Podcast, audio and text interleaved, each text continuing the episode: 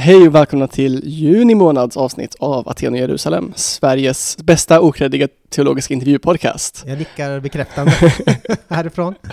Jag heter Viktor och Här är Anton Jonsson heter jag. Jag är Gottnebygden med 500 invånares andra största teologiska influencer. oj oj oj. Det är inte illa. Nej, precis. Utan eh, den som är störst är då eh, Jonas Byström som har ett konto på Instagram som heter Koka för Jesus. Det är lite större än vad, vad Aten och Jerusalem är. Han pratar, om, Än så länge. han pratar om jakt och sånt där och, eh, Mm. och gör kopplingar, gör lite andakt utifrån det. Mm. Jaktteman och fisketeman. Ja, spännande. Ja. spännande. Fiske kan jag enklare se än jakt, men visst. Ja, han har en, han har en, en kopplar att man tittar på, när man tittar i, eh, i eh, kikarsiktet så Mm. är det som ett kors man ser. På Aha. samma sätt så ska vi se på världen genom korset. Ja visst, okej då. och sen skjuta allt som vi ser genom korset. Sen så där någonstans så eh, Faller. tapp, tapp, fall, faller liknelsen lite grann. Ja. Eh, ja, eh, varmt välkomna. Eh, vem är det vi pratar med den här månaden, Vicky? Det är Hanna Möllås. ja, barnmorska. Eh, massa sexologiska eh, certifikationer, Ja. eh, terapeut eh, på massa olika sätt också. Vilken sorts, eh, vilken sorts terapeut är hon? Är hon, hon KBT-are eller är hon, hon känns lite, lite mer psykodynamisk, alltså lite mer freudig eller? Ja, jag tror det. Ja. Hon eh, brukar ta upp Freud Ja. då och nu. Så. Eh, man brukar säga det att eh, eh, KBT har ju vunnit den här striden kan man säga i Sverige, men det är ju verkligen en pyrhusseger för att det är ju den, trå eh, den tråkigaste formen av, av, av terapi har ju vunnit då. Freud är lite roligare. Freud är lite roligare, lite mer spexig. Ja. Eh, lite mer, ja, nu jag tror inte att det är så jättemånga moderna liksom, psykonomiker som håller på jättemycket med penisavund och sånt där, men, Nej, kanske inte faktiskt. men eh, Man får hoppas i alla fall. de kanske har kommit förbi det där eh, penis, eh, penisgrejen. penis har vunnit. Eh, Ja, ja, kommit förbi penisen. precis. Det är ju värt att säga också att eh, vi ser varandra just nu. ja, vi sitter, ja, det gör vi. Vi sitter, var sitter vi någonstans? Vi sitter i biblioteket på Götabro, eh, mitt under torpkonferensen. Ja, ja, precis. Det är kul att man får träffas lite live och så här. Mm. Under vår, eh, vi sitter under eh, eh, eh, Kihlstedt och Emil Gustafssons porträtt och Hedin här som Mm, tittar ner på oss som är viktiga HF-figurer. precis, det är härligt. Eh, och eh, du, jag tror att du har en liten mönster också Viktor, apropå... Ja, apropå torp. Nej, Torp. men vi eh, har ju grävats lite över att det finns de som tänker sig att det finns en underjordisk kabal som försöker liberalisera EFK och pingst och så. Alltså, för, för det första, Ja. bara 10 poäng för att du slänger in ordet kabal. Helt rätt. ja, men, ja. Ja. Ska vi se hur många poäng jag samlar nu då. Ja. Ja, men tio hittills. Jag kan Eh, inte samla, jag, kan, jag, kan, okej, jag kanske inte kan avbryta dig hela tiden och ge dig poäng, men jag kan sammanfatta sen på slutet. Ja, låter bra. Låter bra. Ehm, nej, men ehm, det är inte konstigt att man tror det, för um, Världen idag skriver explicit det. Mm. Ehm, nu senast så har de haft en artikel ehm, där de har infiltrerat, kan man säga, ja men infiltrerat, Mm. uh, vilket är ironiskt, men de har infiltrerat två eh, grupper, Mm. en hbtq i pingst och en hbtq i EFK. Mhm. Ehm, och framförallt då pingstgruppen är det som de har skrivit om. Ehm, och del, de här grupperna, för lite kontext, så, de är till för människor som ehm, antingen är hbtq eller är allierade, men ehm, kanske känner sig svikna eller sårade av pingst eller EFK eller båda. Mm. Ehm, men fortfarande på något sätt ofta vill vara kvar i de sammanhangen eller har hopp för Mm. eller en viss kärlek för det fortfarande liksom så, men så vill inte ge upp, men behöver en trygg plats tillsammans med andra och se att man inte är ensam och så vidare. Mm. Så där har de då tagit, ja men kommit in, eh, för ljugit om vilka de är eller vad de tycker. Ehm, och tagit citat helt lösryckt. Eh, och bara för att skrämma upp och, och visa på att det finns, ja, men för de här människorna i de här grupperna tycker ju då att um, pingst och eller EFK är lite för konservativa. Ja, precis. Och då så har de tagit citat för att, bara för att visa, eller få det att verka som att det finns en, en, liksom hemlig liberaliseringsagenda. Mm. Så bryter den här trygga miljön och mm, skrämmer upp folk liksom. Mm. Och det får mig att tänka lite på Men konservatism generellt för världen idag är då en konservativ tidning om Mm, mm. man på något sätt har missat det. Om man Det är bara en kristen tidning. Ja, ja, precis. Var en neutral kristen tidning. Och om man, om man motsätter konservativism med progressivism på något sätt då. Mm, mm, eh, Så om man inte vill progressera, om man inte vill fortsätta, om man inte vill se förändring, mm. då är det ju ofta på grund av rädsla. Och jag brukar inte gå in på världen idag så jätteofta, för jag vill må bra. Mm. Eh, Jag håller med. Jag, jag, brukar, jag brukar gå in på den om jag vill förfasa mig. Exakt, exakt. exakt. Så, så de, det är bara nästan eh, uppskrämmande artiklar och, Mm. och raljerande artiklar och ingen god journalistik alls i min åsikt då ska sägas. Mm. Men, ja, men till exempel den här artikeln då. Det var bara åsikter och poäng, halmgubbar, strågubbar, vad heter det på svenska? Eh, handgubbar. Halmgubbar Mm. eh, och så. Så det, det är min mönster, tycker jag. Ja, men, ja, precis. Och det är också så här, man kan ju fråga, man kan ju stä- ställa sig frågan om etiken, Mhm. alltså den etiska, Ja. alltså dels att man, eh, alltså va, om man ska hålla på och wallraffa, Mm. då tänker jag att man ändå ska ha liksom goda grunder för att man ska kunna avslöja någonting som är, eller Mm. det måste ändå finnas väldigt goda grunder för att Mm. man ska vara så här okej att hålla på och wallraffa Mm. liksom. Ja, men eller verkligen. att man verkligen, att det är något, ett väldigt dolt systemfel som behöver uppvisas här. Men det här är ju Mm. liksom bara eh, folk som försöker, eh, försöker diskutera sin tro och liksom, Mm. eh, ja, Mm. alltså det är ju ingenting, och jag tänker att det är ingenting där som är liksom hemligt på det sättet Nej. att det är liksom, det är ju så här, alla vet ju att det finns personer som Mm. tycker så här Mm. Ja, i, i kyrkorna. Det är ingen, Och vill att fler ska tycka det. Eller liksom Ja. det är inte på samma sätt som de vill att fler ska tycka som dem. Alltså så. ja. Ja.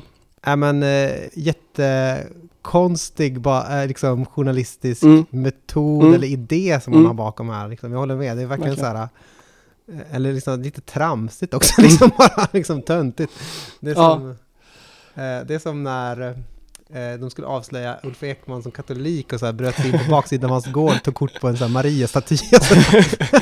alltså, det kanske Ja. man kan göra, eller man var liksom, ja. ja, nej, På något sätt så finns det ändå gränser. Ja. verkligen. Ja, nej, Ja. men eh, jag håller med. Det var fånigt, fånigt gjort av dagen, Mm. dagen idag. Dagen idag. Dagen idag. ja, Eh. nej men verkligen. Och det finns ju flera exempel på artiklar därifrån med liknande. Men Pre- Många, du, får, bra, du får många poäng för det här. ja, tack, tack. Skönt. Jag hann, jag hann inte räkna va? Nej.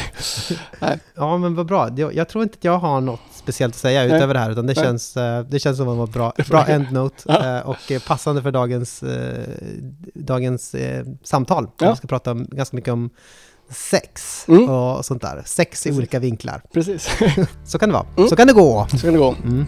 Så då rullar vi igång. Precis.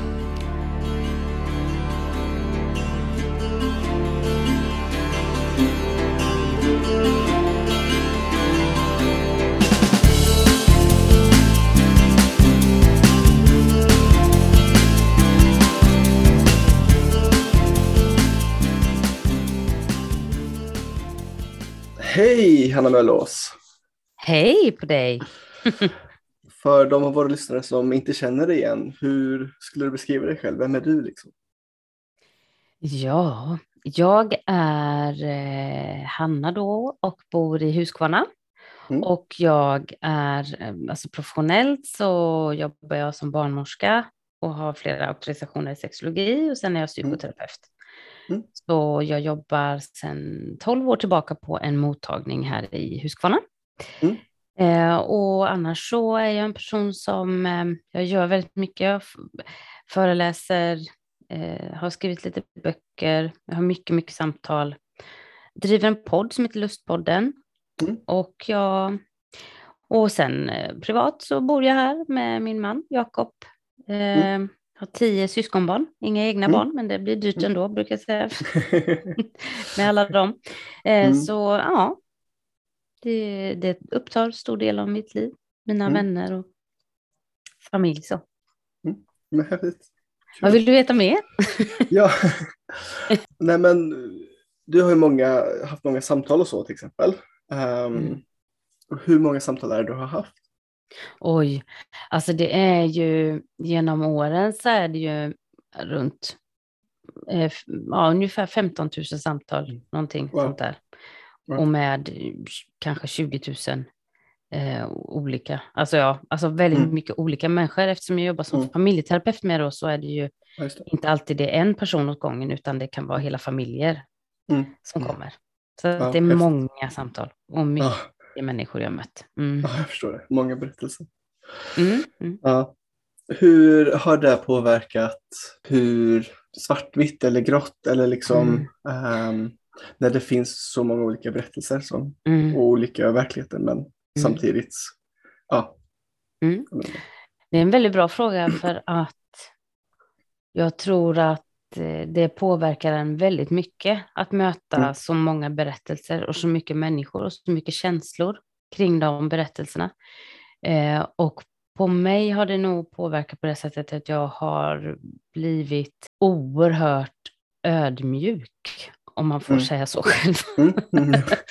Men jag har blivit väldigt, väldigt eh, ödmjuk inför människors livssituationer, förutsättningar, möjligheter att kunna påverka sitt liv, att kunna förändra saker, men mm. också i sitt kämpande och lidande. Det har, det har format mig väldigt mycket, mm. skulle jag vilja säga, särskilt de sista kanske ja, fem, tio åren så tycker jag att det blir mer och mer tydligt. Det finns mycket i, sak, i livet som kan vara enkelt och rätt och fel. Men det mm. finns också oerhört mycket som är svårt mm. att hantera och greppa som människa. Så mm. jag tror att jag har blivit mer och mer ödmjuk. Mm. Jag fattar det. Ja. Om vi går över till några frågor kring men kanske sexologi och samhälle och så. Um, så i men i en värld av, av incels eller människor, massvis med människor som, som ja, men redan kokar av vrede för mm. uteblivet sex. Mm. Uh, hur kan man göra för att bli en person som lever liksom, ett sexlöst liv på ett bra sätt? Uh, om man mm. vill det eller känner sig kallad till det till exempel. Mm. Det är ju en fråga som eh, är väldigt bra. eh, nej, men det, jag tror att man behöver eh, fundera över det här begreppet incels. Det finns ju naturligtvis, jag har mött många genom åren som är väldigt bittra och arga mm. över eh, sin situation, men då handlar det ju mer om en ofrivillig sexualitet mm. som inte mm. får levas ut, alltså att det är ett mm. ofrivilligt sätt att leva sitt liv på och mm. där man känner sig kränkt och illa bemött av en mm. omvärld som inte ser en som sexuell eller snygg mm. eller vacker. Mm. Men när en människa väljer själv mm. att få avstå från viss sexuell aktivitet, mm.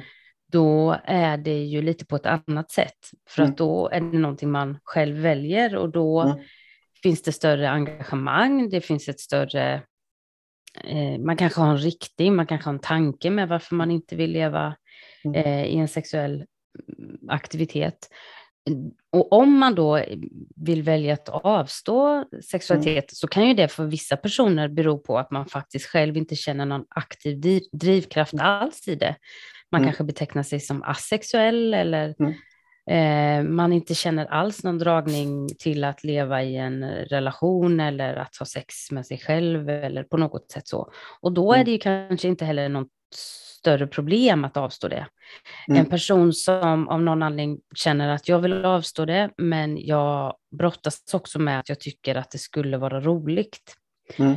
Då kan det ju vara lite, om man då väljer att nej men jag vill ändå inte ha sex av någon anledning, så, så kan det ju vara aktivt att man faktiskt försöker hitta andra sätt att kanalisera sexualiteten, mm. det som Freud i sina försvarsteorier kallar för sublimering egentligen, att, att använda mm. livsenergin till annat.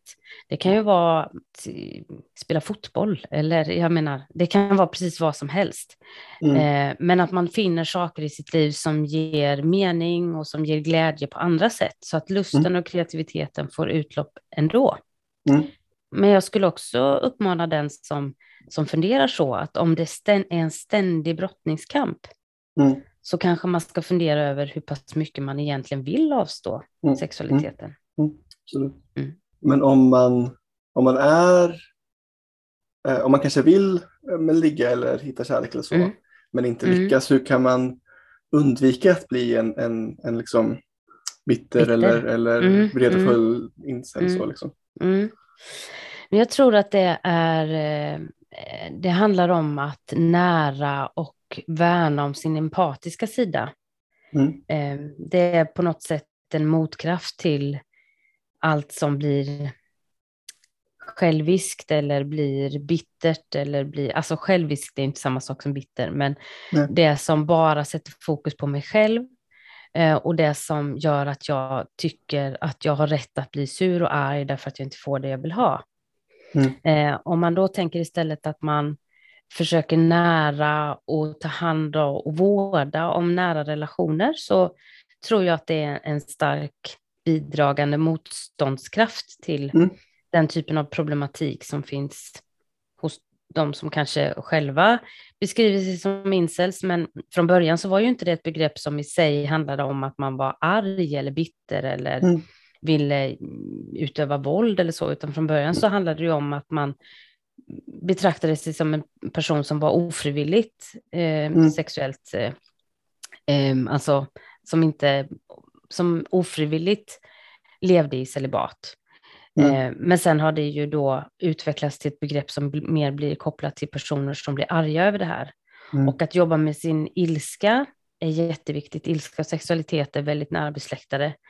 Ilska är jätteviktig för oss för den sätter gränser och den sätter stopp och den eh, eh, skyddar oss på många sätt. Men när mm. ilskan går över till en form av bitterhet som gör att vi tycker att vi har rätt att kränka andra människor för att de tycker ändå inte om oss, mm. då behöver man kanske jobba mer med sin empatiska sida. Och det är så jag kanske har jobbat med dem som finns i det spektrat, att man, man försöker hjälpa människor att knyta kontakter med andra, att vara i sin sårbarhet, att uttrycka vad det är man längtar efter att kanske röra sig i sammanhang där det finns en möjlighet för en att, att träffa någon. Och det här är lite så känsligt att, att säga.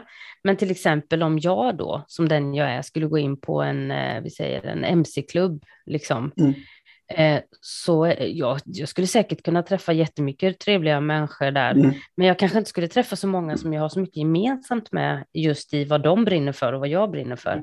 Mm. Eh, och ibland kan jag uppleva att en del personer som upplever sig utstötta och avsexualiserade av andra människor, de mm. eh, hittar liksom den känslan i sammanhang där de faktiskt kanske inte kan möta någon. Mm. Eh, att man försöker mm. nära och ta hand om de relationer som faktiskt går att bygga på. Mm. Eh, om människor be behandlade illa så var inte med de människorna, utan mm. sök dig till sammanhang där du, du finner gemenskap och, och mm. så. Så att jag mm. tror att empati är en, en grundbult här. Mm. Mm. Ja, men tack. Du eh, kom ju till Credolund eh, för men, någon månad sedan typ. Mm, mm. Och då var temat Vad är kristet sex? Finns det? Um, är det liksom inomäktenskapligt, heterosexuellt, endast reproduktivt? Eller liksom, ja, hur skulle du svara på den frågan? Mm. Ja, alltså jag tänker ju inte i sådana termer egentligen. Det var ju en liten rubrik för att mm. locka folk. Mm. eh, och att många kanske tänker kring det, så här, vad är kristet sex? Men jag har kanske inte den approachen på sex eh, så att det mm. är antingen kristet eller icke-kristet eller så. Mm. Jag tänker att bra sex bygger på respekt och mm. Ömsesidighet och samtycke och därför så tänker jag att eh, det, det, är lite vanskligt att prata för mycket om kristet sex, för mm. när människor då inte känner att de fyller upp de kraven eller så, så undrar de vad är det för fel på mig eller varför mm. beter jag mig inte som jag borde. Så jag tänker inte att det finns kristna ställningar eller ingångar och utgångar som en del kan tala om. Det, mm. det, så tänker inte jag kring det. Mm. Utan jag tänker att kroppen är skapad för njutning och mm. det finns många olika sätt att leva ut sexualiteten på. mm. Mm. Men till exempel det här med, ja men du tänker att det finns åtminstone alltså bra sex byggt på respekt bland annat. Mm. I samtal med människor, hur kan, om man har vissa värderingar eller tankar kring sex, kring vad som är bra sex, mm. hur kan man möta dem och lyssna på dem på ett respektfullt sätt, även om man inte håller med dem och och jag tänker att man Absolut. har sina värderingar för att man tänker att det är bäst för mm. men, alla. Liksom. Mm. Ja, det, där är, det där är en jätteviktig sak att brottas och stötas och blötas med om man ska jobba eh, terapeutiskt. Mm. Eh, nu har jag ju massa olika legitimationer och auktorisationer, så jag måste ju jobba evidensbaserat och jag måste mm. jobba med beprövad erfarenhet och jag måste mm. vara, följa svensk lag och liknande. Mm. Eh, men jag tror att alla som jobbar med samtal behöver mm. reflektera över den makt man har när man sitter i ett möte mm. med en hjälpsökande människa. Och särskilt när det handlar om sexualitet, där eh, vi, om vi säger fel, om vi tittar fel, om vi suckar fel, Mm. så kan vi ge många känslor hos den här personen, patienten, att jag är äcklig eller konstig eller det, det kan väcka väldigt mycket skam. Så mm. jag brukar uppmana alla som jobbar så att faktiskt fundera över sin agenda. För att det blir inte bra om jag som terapeut har en hemlig agenda efter hur du ska leva ditt liv om du kommer till mig. Mm. Utan mm. min uppgift är att försöka hitta hur mår du? Var mm. finns ditt lidande? Och då om vi mm. säger till exempel att en person kommer och säger så här att jag känner mig helt instängd i mitt sammanhang. Jag har väntat med sex, jag har försökt att hålla på mig från sex, men jag kan inte och jag håller på att ha sex hela tiden och jag skäms och jag tycker jag är dålig och jag tycker jag är äcklig. Ja. Mm, mm. Då är ju min uppgift att försöka hjälpa den personen att förstå var finns lidandet? Finns lidandet mm. i att du vill inte leva så här? Mm. Finns lidandet i att du, om du ursäktar hur jag uttrycker mig, tror mm. att du inte vill leva så därför att du har lärt mm. dig att så ska du inte leva? Mm. Så att personen själv kan ta ett aktivt ställningstagande. Det här är min sexualetiska moral, mm. Eh. Den här står jag för. Det kan mm. vara det som jag absolut hela tiden genom min uppväxt, uppfostran, kanske om jag gått till kyrkan eller så, har lärt mig. Och den mm. väljer jag som min egen. Mm. Men det kan också vara som man upptäcker, att det här är ju åsikter som har lagts på mig. Mm. Jag vill egentligen inte följa det själv. Mm. Eh, och då behöver man vara ärlig med sig själv i det. Så jag har mm. följt mängder med patienter som har, en väldigt konservativ syn på mm. hur sex ska vara. Mm. Och jag har följt eh, patienter som har en oerhört queer eller flytande inställning till hur sexualitet kan levas ut. Mm. Så för mig är det inte viktigt att de följer hur jag vill leva mitt liv, mm. utan att de hittar ett, ett, ett respektfullt sätt att hantera sig själv och mm. vågar, mm. från, i alla olika kategorier, vågar ifrågasätta sig själv. Är det här mina tankar eller är det något som jag tror att jag måste göra? Mm. Mm. Eh, så jag tänker att när man när man ska göra det för att svara på din fråga så behöver man ju också då som terapeut jobba jättemycket mm. med sin egen, sina mm. egna åsikter, fördomar, agendor, så att man tränar sig på hur beter jag mig om jag känner att en person pratar om sex på ett äckligt sätt i mm. mina öron. Mm. Hur tittar jag då? Hur suckar jag då? Hur andas jag mm. då? vad är det jag tycker är besvärande? Tycker jag det mm. är obehagligt om en person berättar det här eller det här eller det här? Mm. Eh, så att jag vågar träna mig på det. Och jag tänker att det är farligt mm. att terapeuter har hemliga agender oavsett om mm. man är kristen eller inte, vad man än mm. har för. Jag har ju eh, mött personer som som, som, kan tycka, som har gått till kristna terapeuter och som mm. får liksom det, pålagt en livsmanual hur de ska leva. Mm. Och det har jag mött även från icke-kristna terapeuter, alltså det mm. här att ja men så där behöver du inte tänka, nej, nej, mm. nej, liksom. Men, men, då hjälper man inte patienten med det den vill ha hjälp med. Nej. Utan mm. vi, har ju, vi har ju möjlighet att inom svensk lag eh, leva ut vår sexualitet på det sätt som vi själva väljer. Mm. Mm. Men om man tar ett teoretiskt scenario, det här kanske faller just på att det är så teoretiskt, men om, mm. om en person men kommer på något sätt, eller vill men typ bara ha själviskt sex, eller liksom inte mm.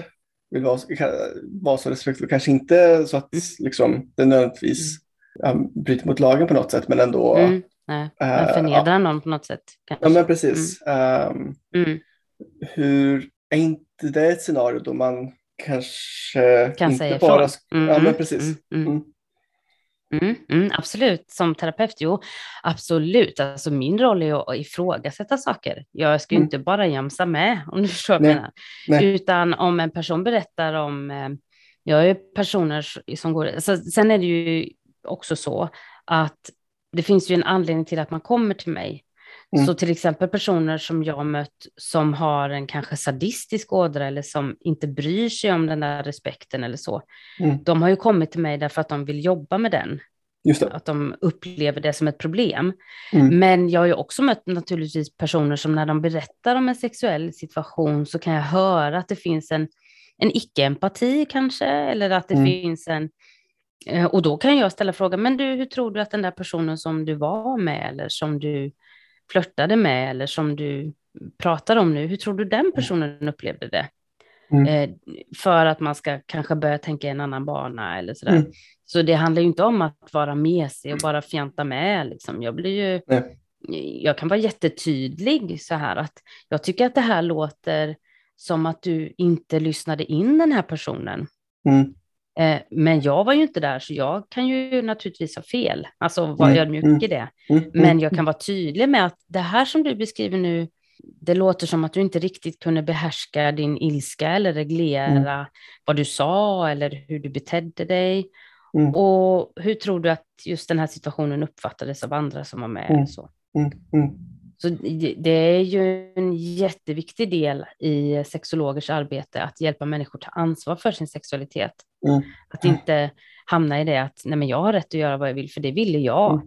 Mm. Alltså det är inte det mm. som samtycke handlar om. Nej, nej, nej, verkligen, eh, verkligen. Utan samtycke handlar ju om två saker. Det ena är vad vill jag? Så att jag gör mm. det jag själv vill. Och det mm. andra är vad vill du? Och försöka läsa av det. Och det är jag jättenoga med när jag föreläser på till exempel gymnasier och liknande. Mm.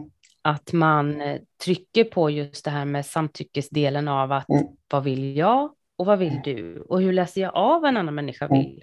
Och då är det ju mm. så att de allra flesta människor, alltså 99 procent säkert av alla människor har ingen studie bakom mig, men jag skulle nog säga mm. så, mm. förstår när en annan människa inte vill. Mm. Alltså man, man, ett samtycke är liksom ja. Mm. Mm. Och allt som inte är ja, det är liksom mm. någonting som ska få mig att fundera, vill du verkligen mm. nu eller säger du bara det? Eller, mm. Ja, och mm. det är någonting vi alla måste träna oss på. Men mm. mm. när man känner att du säger nej till mig, då är det väldigt mm. lätt att det väcks en skam i mig och jag känner mig ratad och då väcks det också en ilska i mig som gör att jag lyssnar inte på de där signalerna som du skickar ut att du inte vill, utan jag klampar på och tar för mig för att jag blir så arg mm. för att tala om incel-ilskan. Mm. ja, ja. Men också, alltså, det, det, jag tror att det var en jätteviktig del i metoo som man inte alltid lyfte. Mm. Faktiskt det här att en del i att man faktiskt struntar i om andra människor har gett sitt samtycke eller inte, det är mm. ju faktiskt för att man själv skäms så. Om mm. jag frågar mm. någon, ska vi ha sex och den säger nej, fy, då kanske det växer en liksom ilska, en ångest och en skam i mig som gör att jag bara tar det jag vill ha, för jag orkar inte mm. lyssna på nejet. Mm. Mm. Så vi behöver ju träna unga människor, vuxna människor, äldre människor att mm. ta ansvar för sin sexualitet och vad som händer när man får ett nej. Så att mm. man kan bära det och säga okej, okay, mm. nej men då går jag vidare till nästa person. Ja, ja, ja, ja. ja. Jätte, jättebra svar. Men är det just i respekt och samtycke som gränsen går mellan att vara tydlig med alltså, rätt och så versus låta den personen hitta sin egna sexualitet? Alltså är det i, mm. i mötet med den andra, i den mm. relationen? Eller ja, ja, förstår du vad jag letar men, efter? Ja, men jag kan tänka, ja, men jag kan tänka lite att du kanske kopplar den frågan också till den här, finns det kristet sex? Mm. Eh, alltså, om man tänker så här att eh, på den frågan då, kristet sex, är det sex som sker när två människor är kristna? Mm. Eller kristet sex, det som är det rätta sexet? Mm. Om du förstår vad jag menar. Mm. Eh, mm. Det sättet som vi tycker att alla borde leva på, mm. om vi mm. är kristna då, och alla skulle göra så här. Um, eller vad menar man med begreppet kristet sex egentligen? Uh, för vad som är rätt och fel, det beror, det, det, jag tror att alla kristna och jag tror att de allra flesta människor över världen egentligen också mm. tycker att alla kan komma överens om att respekt är en jätteviktig grundbult i sexuella mm. relationer. Mm. Eh, jag brukar använda mig av en filosof, rabbinsk filosof, eller vad heter det, judisk filosof som heter eh, Emanuel Levinas, som pratar om mm. den andre och att vi mm. i mötet med den andre faktiskt har en makt över den. Eh, mm. I blicken och i, i, kontakten med den andra så har vi en makt att kunna dissa den eller, mm. eller gilla den, om man ska använda moderna uttryck. Eh, och där tror jag vi alla som följer en kristen tradition kan eh, hålla med om och jag tror att alla förstår att det är en viktig del i Jesu budskap om att mm. respektera mm. människor. Men sen kan ju det sexualmoralen se lite olika ut. Alltså vissa då, om man tänker, jag brukar dela in det i fyra grupper, att det finns från den konservativa delen där man tänker att vi är skapade till man och kvinna och mm. där eh, det är två skilda kategorier där det ska förenas och bli ett i det heterosexuella samlaget som ska ske i ett äktenskap. Och sen har vi eh, lite mer kanske öppet liberala, eller mm. säga, lite mer öppet konservativa, ska jag säga, mm. öppet konservativa grupper som, som kanske snävar lite på det där att, ja men visst, det, det var nog så Gud hade tänkt från början, men det är inte riktigt så det ser ut. Mm. Vi måste kunna få känna och så, men vi kanske ska leva på ett visst sätt. Eh, det handlar om vad vi gör som är fel, inte vad vi känner. Mm. Och sen finns det de som, som säger då till exempel om man tänker utifrån den frågan om samkönat sex som, eh, som diskuteras i många församlingar nu så tänker man kanske där som i Svenska kyrkan i den liberala delen att, att eh, om en, det viktiga är att vi fokuserar på kärleksbudskapet som finns i Bibeln och det finns texter som är gammaldags och det finns texter som eh, de kanske inte ens handlar om homosexuella handlingar Vissa menar, jo men det gör de visst, men vi måste lämna det för samhället har gått vidare och så. Mm. Och sen mm. finns det, brukar jag prata om en fjärde del, en queer-del, som sätter ännu mer fokus på principerna kring vad är det för principer som vi, vi kristna ska följa. Och där mm. sätter man väldigt mycket fokus, till exempel i queer-teori så, så tar man väldigt mycket upp kampen mot de strukturer som fångar in människor i, i något slags ofrihet mm. på olika sätt. Eh, och att till exempel man säger, det finns en bok som jag tycker väldigt mycket om som heter Beyond eh, Apologetics, eh, som mm. handlar om queer-teori. Och den lyfter just den tanken om att det finns väldigt mycket texter i Bibeln som handlar om att inte leva ekonomisk girighet och snålhet mm. och eh, att, att eh, förnedra andra människor ekonomiskt. Mm. Eh, men det talar vi inte så mycket om, men däremot så talar vi väldigt mycket om den sexuella moralen. Mm. Och då menar de att det är viktigt att vi sätter fokus på vad är principerna. Mm. Mm. Så att det, eh, det var en väldigt långt svar på mm. din mm. fråga. Men väldigt bra svar.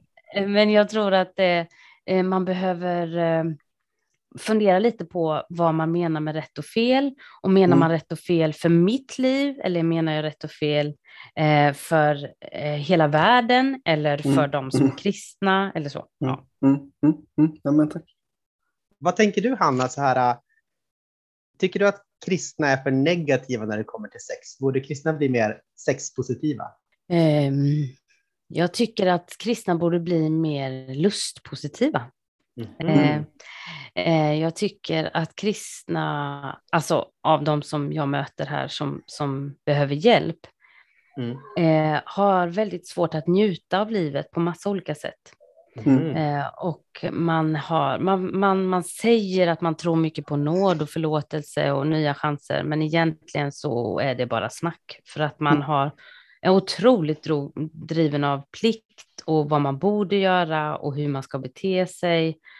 Och det där att våga njuta och ta ansvar för det och för de känslor och handlingar som det följer, det, det har många inte riktigt tränats i. Mm. Så och på det så följer ju det att det ofta blir ett ganska eh, fyrkantigt tänk kring sex och hur man får tänka kring sex, om man ens får tänka kring sex. Eh, och det gör ju att det kan bli ganska negativt.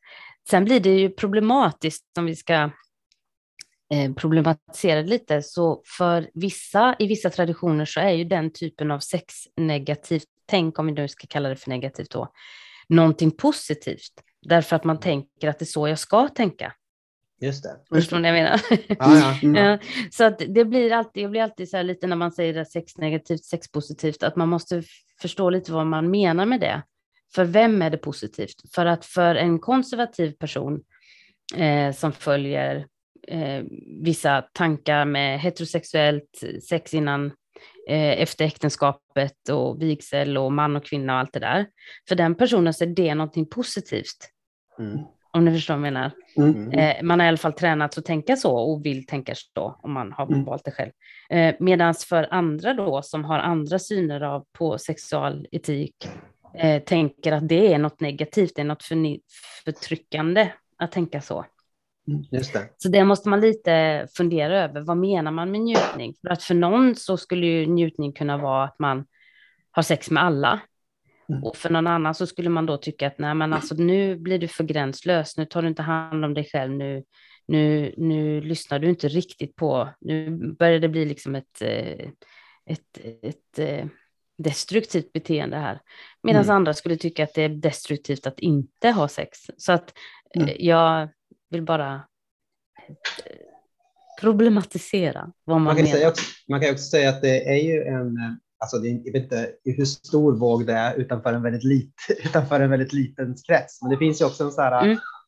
eh, sexnegativ våg kan man ju säga i, i samhället i stort. Liksom. Att, att, Mm. ja, men det Mm. finns någon så här idé om att sex är, man, man är lite avtrubbad Mm. inför sex och sex är bara någonting som man använder för att Mm. sälja saker och sex är liksom, det är ett Mm. imperativ att du måste ha sex och du måste Mm. eh, njuta liksom och sådär, Mm. så att man har mer hamnat i en, Mm. I en position där man, Helt liksom är, där man Mm. är liksom mera, eh, eh, för, eller när man är lite mer försiktig mot den här eh, Mm. fria kärlekskulturen eller vad man ska säga som har varit, eller inom citattecken Mm. fria då, som Mm. har kanske rått sedan 60-talet Mm. och sådär.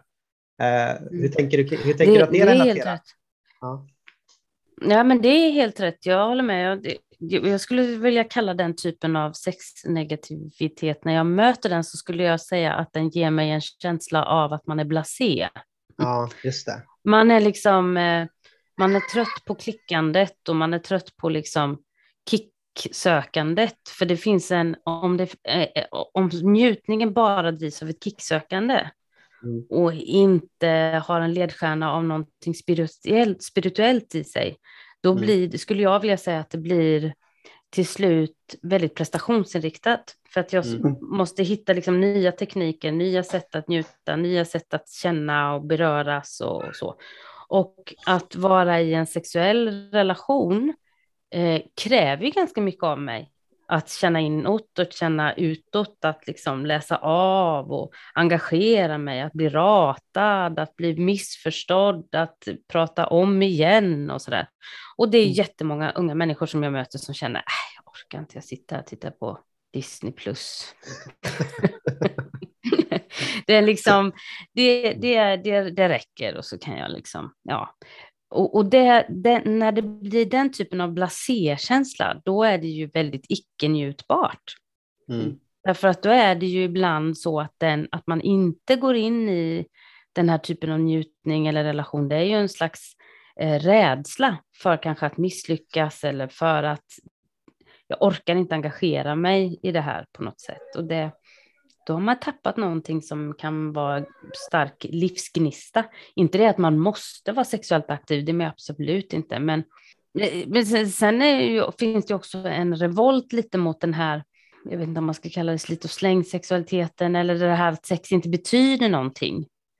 Det finns ju en del som brukar prata, möter en del unga som brukar prata om nyckelhålsmärkt Mm. sex eller liksom, ja, eh, fair trade sex eller Mm. att, att, eh, att någon slags hållbarhetstanke som har kommit in även i bland eh, människor som, som är helt sekulära, att liksom, nej men alltså, relationer tar ju på krafterna, så vi kanske behöver vara rädda om varandra och sådär. Mm. Mm. Mm. Mm. Jag vet inte om det var så på frågan. Nej, men, nej, men jag tycker att det var, Mm. det var, jag vet inte om det var en fråga, det var mer liksom som ett, eh, Ja. Ett Ja, påstående. så att, eh, Ja, ja, nej, men jag håller Mm. med. Jag, jag håller, I påståendet håller jag absolut med. Mm. Eh, och att det är ju faktiskt någonting som man talar om även inom ungdomsmottagningar och liknande som möter mycket, mycket ungdomar. Att visst, det finns många som har mycket sex, men det finns också många som, som inte tycker att det är så intressant. Men man brukar väl säga det också att den sexuella aktivitetsgraden har liksom minskat, eller om man säger mm. bland unga nu mm. Ja mm. men kanske för 10-15 år sedan. Liksom, att, eh, mm. Ja men precis, det finns någon sorts trötthet på sex helt mm. enkelt. Att det är liksom, ja, var, varför ska vi hålla på med det här? Vi, vi söver oss själva med Netflix istället. Eller något sånt mm, precis, precis, ja. precis. Ja, helt mm. rätt. Det är, det är ju intressant ur ett samhällsperspektiv också. Vi behöver, mm. vi behöver ju producera oss, eller på säga. Vi mm. behöver ju bli fler. Mm. Eh, eh, så, och, och, ja, man ska kanske inte uppmana ungdomar att ha sex för att vi ska se till att det blir barn. Det mm. man kanske inte. Men, men det, finns ju, det finns ju intressanta samhällsaspekter i detta också. Mm. I att eh, sexualiteten ingår i familjebildande, i mycket som berör våra lagar och ja, alltså vi behöver, om Sverige ska kunna ha en välfärd så behöver vi människor som betalar skatt. Mm. Mm. Man kan ju också tänka, eller jag funderar på, det här är bara någonting som dök upp nu, liksom att eh, man kan ju tänka att vi har gått från, alltså det, också, det finns en sorts flykt från kroppen kan man ju tänka i, i mm. samtiden att vi har mm. gått mer till en mer eh, ja, men mm. textbaserad eller eh, identitet, liksom, eller att man eh, ett sorts, att man, inte, man, man känner inte sin kropp lika mycket utan man, kroppen är snarare någonting som mm. man mm. som hänger på eller som man drar med sig runt och sen så eh, vem jag är kanske mer är, eh, det är lite, särkopplat från kroppen och det är också kanske lite mm. grann, ja men det är någonting som jag skapar genom vem jag skriver mig fram till eller så, eller vem jag liksom mm. mimar mig fram till i, i internet. Mm. Det kanske är något mm. här, man är, mm. man är mindre intresserad av sex för att man inte liksom, man är mer främmande för sin kropp också kanske. Eller så. Mm. Mm. Ja. ja, och att eh, vi har också haft en väldigt stark fokus på att sexualiteten har med det ungdomliga att göra. Mm. Eh, och eh, den friska kroppen premieras i den berättelsen mer än den åldrande eller sjuka eller så, kroppen. Mm. Och om, om, vi gör sex bara till en kroppslig sak, mm. då blir det ju till slut ganska tråkigt, om du förstår vad jag menar. Ja, då har vi liksom, jaha, då har vi känt en massa. Ja, det har vi känt. Mm. Liksom. Mm. Jag tror ju på att sexualiteten, eftersom jag tänker att Gud har skapat sexualiteten så tänker jag att Gud har skapat den som någon slags knutpunkt mellan spiritualitet, det upplevda, eh, det kroppsliga, det fysiska, det hormonella, alltså alla de här aspekterna knyts ihop i sexualiteten. Mm. Och mm. det är därför den är så svår. Och det är därför mm. vi så gärna fragmenterar den i antingen kropp eller själ eller antingen det ena eller det andra. För att vi har så svårt att greppa storheten i denna kropp. Mm. Mm. så att eh, jag tror att tr tror att det är helt rätt och samtidigt är det så förvirrande för många människor i vårt samhälle för att vi pratar samtidigt väldigt mycket om kroppen, om träning, om kost, om dieter och det är väl samma sak som kost kanske. Mm. Eh, men om, om liksom hur kroppen ska hålla och vi pratar mycket om eh, vissa saker som är fysiska och vi pratar till exempel i mycket kring mindfulness handlar om att vara här, liksom och nu i kroppen och så där. Samtidigt så finns det så mycket i oss som vill fly från kroppen för den gör mm. ont eller den ger oss smärta på olika sätt, den ger oss lidande, den ser inte ut som vi vill, eh, den är inte tillräckligt lång eller smal eller stor eller vad det nu kan vara. Så, så vi har, jag tror att människan alltid kommer vara i en ambivalent inställning till kroppen. Mm. mm. Eh, och, och därför, det är ju en del av mina käpphästar, att jag pratar mycket om kopplingen mellan mat och sex. Mm. Eh, mm. Därför att jag tänker att det är två stycken kroppsliga förnimmelser som vi upplever väldigt tidigt. Om vi tänker att sexualitet, grunden för sexualitet är behovet av närhet. Mm. Och närhet, det får vi i början när vi ligger i någons famn och vi blir matade antingen via bröstet eller nappen eller så, eller flaskan.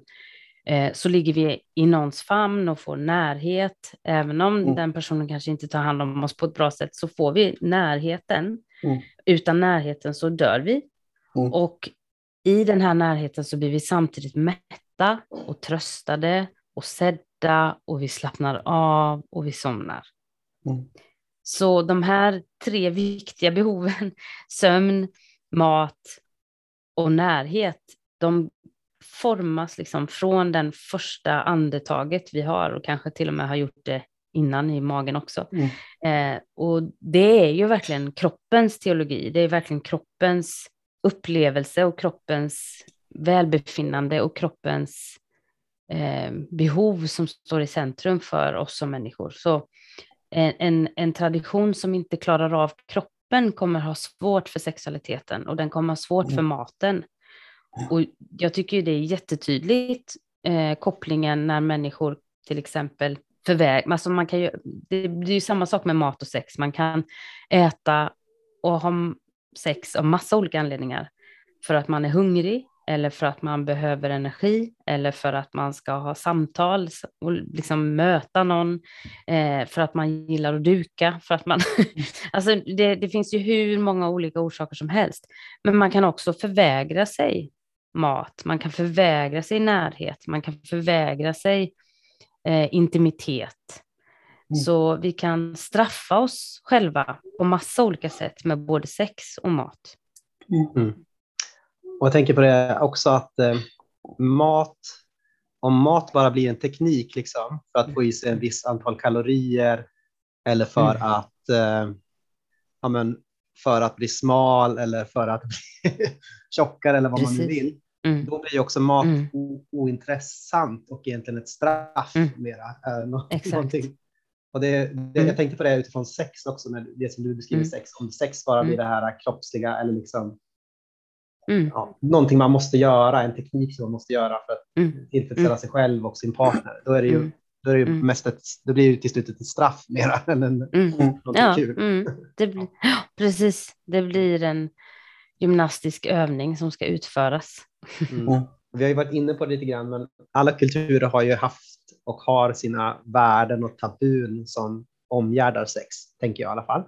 Mm. Eh, jag tror att det finns några värden och tabun kring sex i liksom vårt västerländska samhälle som det är svårt att se om man är liksom fisken i vattnet, så att säga. Mm, mm. Och det var också en väldigt bra fråga. Det är jag övertygad om att det gör. Det finns till exempel tabun kring, alltså om man vänder lite på det och säger vad är det vi har normer för? Mm. Eh, om man börjar i den änden så kan man se att det finns tydliga, de som kommer hit till mig till exempel har tydliga normer av tvåsamhet, av mm. att sex ska vara kopplat till romantik. Mm. Eh, man har tydliga normer om vad otrohet och trohet är. Man har tydliga normer om penetration, att det är det som är sex. Även om ja, alla säger att sex är mycket mer så är det ändå där man mm. hamnar. Att, ja, men fast vi kan ju inte ha den typen av sex, så att vi har egentligen inte sex. Mm. Eh, det finns väldigt mycket normer om orgasmer. Det finns mycket normer om att man ska till exempel komma samtidigt mm. eh, om man har sex med en annan person. Det är svårt. Ja, det är jättesvårt. Det är svårt, det är svårt att göra det, det... till en norm i alla fall. ja, det, det, är verkligen, verkligen, verkligen svårt. Men det finns någon slags tanke om att det är det fina sexet som man ibland mm. talar om. Det fina eller det okejare sexet. Och de mm. tabun som jag tänker man kommer kunna se. På ett sätt så skulle man kunna eh, säga att vi fortfarande eller att man, man, skulle kunna säga att vi har ju kommit ifrån väldigt många tabun och kanske på ett sätt så har sex blivit istället blasé. Just mm. därför att det inte finns så mycket mm. tabun. Bara, ja, det gör väl det. Liksom. Mm. Eh, men å andra sidan så kan man också tänka att det finns andra former av tabun som om vi tänker att tabun är också någonting, det som triggar lite den här, när sex är nära det förbjudna eller mm. det äckliga, så finns det mycket tabun kring ja, över världen finns det ju massa tabun kring mens till exempel. Eh, alltså blod, sekret överhuvudtaget, svett, saliv. Alltså det finns, vi har, det finns ju många kulturer och religioner som har tankar kring just eh, vätskorna från kroppen och att det är sperman eller mensblod eller så. Mm, så att tabun kan ses på massa olika sätt, dels utifrån en fysisk eh, aspekt. Analsex är någonting som många beskriver som en slags känsla av tabu kring. Eh, så tabun kan se lite olika ut, kanske på andra sätt än vad de har gjort tidigare genom åren, men samtidigt så finns det väldigt mycket som är kvar. Mm. Och jag tänker inte att vitsen och målet är att vi ska ta bort alla tabun. För mm. tabun är också någonting som gör att någonting är laddat. Mm. Och problemet när tabuna försvinner, om, nu är jag väldigt freudiansk för den som kan Freud, men om man, okay. om, man om, man, om, man, om man tänker att vi ska ta bort tabuna, då blir vi blasé. Mm. Därför att då finns ingenting som är laddat, det finns ingenting som jäckar, det finns ingenting som äcklar oss, det finns ingenting som äggar oss, det finns ingenting som får igång oss och då blir mm. det bara tråkigt. Det är det man brukar skämta om, liksom, eller på Stormens utveckling så brukar man skämta om det ibland, om du lyssnar på den podden. Mm, alltså mm, att, mm, mm. att eh, sådana här soc-tants-sex är det tråkigaste, är det tråkigaste som finns. Och så här, ja, Kristi brud eh, har fattat mycket mer om vad som gör sex liksom, så mystiskt och spännande än vad en soc-tant har gjort. Liksom. Där är det omgärdat lite förbud. Oh, du. Ja, just det. Så kanske man kan... Så kanske man kan det säger du lite skämtsamt. Ja, förstår jag. Förstår jag, förstår. jag är absolut inte politiskt korrekt, så att jag, jag fattar precis. Ja. Mm, mm. Om vi går tillbaka till det här med liksom, ja, men terapeutiska samtal eller samtal mellan vänner och så också. Vad är bra att tänka på om man pratar med eller lyssnar på någon som, som mm. upplevs som har blivit ja, men kränkt av kyrkan? Mm. Eh, liksom, hur kan man bäst finnas för den personen? Mm. Eh, så. Det finns en tumregel som man alltid, alltid, alltid ska fundera över. Det mm. är om jag säger någonting, varför säger jag det? Mm. Eh, därför att när någon berättar för en vän att alltså jag känner mig kränkt av kyrkan eller jag känner att jag, jag börjar tvivla på min tro på Gud och ofta, det menar jag med väldigt tydlig bestämdhet att, att när vi går igenom livskriser och kanske brottas med vår gudstro så kommer vi oundvikligen att börja brottas med vår sexualetik eller synen mm. på sex. Mm. Eh, och tvärtom, om jag börjar brottas och fundera över min sexualetik så kommer jag också börja brottas med vem är Gud och vad vill Gud egentligen mm. med den? Så, mm. Om Gud nu finns då. Och mm. därför så tänker jag att det är väldigt viktigt att man inte hamnar i något slags andligt tvång där mm. man måste, om någon ifrågasätter någonting som jag kanske själv tror på stenhårt, Mm. så gör det den väldigt illa om jag inte låter den få vara i sitt tvivel lite. Om jag ska tror att jag måste vara en slags ställföreträdare för Gud direkt mm. eh, och försvara Gud direkt. Då har jag liksom inte lyssnat, utan börja med att lyssna. Och man kan säga, alltså jag har aldrig upplevt de här funderingarna eller tankarna, men jag förstår, det låter som det här blir jättejobbigt för dig. Mm. Eh, och finnas där. Men mm. väldigt många blir ju, blir ju ledsna därför att de känner att om de börjar lyfta sitt tvivel så ska de direkt bli motbevisade och man mm. får bibelord mässade till sig och man får liksom så här bevis eh, mässade till sig och, och så känner man sig inte lyssnad på och så mm. blir man tyst och så kanske man drar sig undan istället. Så jag skulle säga att det är ett väldigt djupt terapeutiskt knep, kanske låter mm. manipulativt, men eh, pedagogik kanske man ska mm. säga. Att faktiskt lyssna och att eh, bekräfta och validera fastän man inte behöver, man behöver inte säga jaha, nej men det håller jag med om, om man inte gör det. Mm. Det behöver man mm. absolut inte göra. Men att, eh, att finnas där för någon som är i den här brottningskampen är att, att orka lyssna och, mm. och lite hålla käft ibland faktiskt. För att det är ofta det som sårar. Eller eh, det är klart att tystnad kan såra också om tystnaden står för att jag inte klarar av att lyssna. Det kan mm. tystnad stå för mm, också. Mm, mm, mm, Men om jag klarar av att validera med min tystnad och med mm. mitt bekräftande så kan det bli jättefint. Jag vet inte om det var svar på frågan. Jo, nej men absolut, det var jättebra. Super, supertydligt svar. Det pratas mycket om porr uh, just nu. Mm. Um, Du, det- du hörde min liksom... Mm. ja. Ja, Eh, ja. Mm. Ehm, och jag är van vid att höra det, har hört det länge liksom, i kristna sammanhang, men även nu i sekulära sammanhang så pratas det mer och Mm. mer om det. Um, Mm. kommit mer och mer på agendan. Finns det någon sund relation med porr? Jag tänker å ena sidan porrindustrin eh, vet man är liksom absolut fruktansvärd och sådär kopplat till trafficking. Mm. Ehm, och, men också liksom mängden våld man ser i porr och, och på, alltså, sex i porr är ju inte realistiskt sex på något sätt. så. Mm.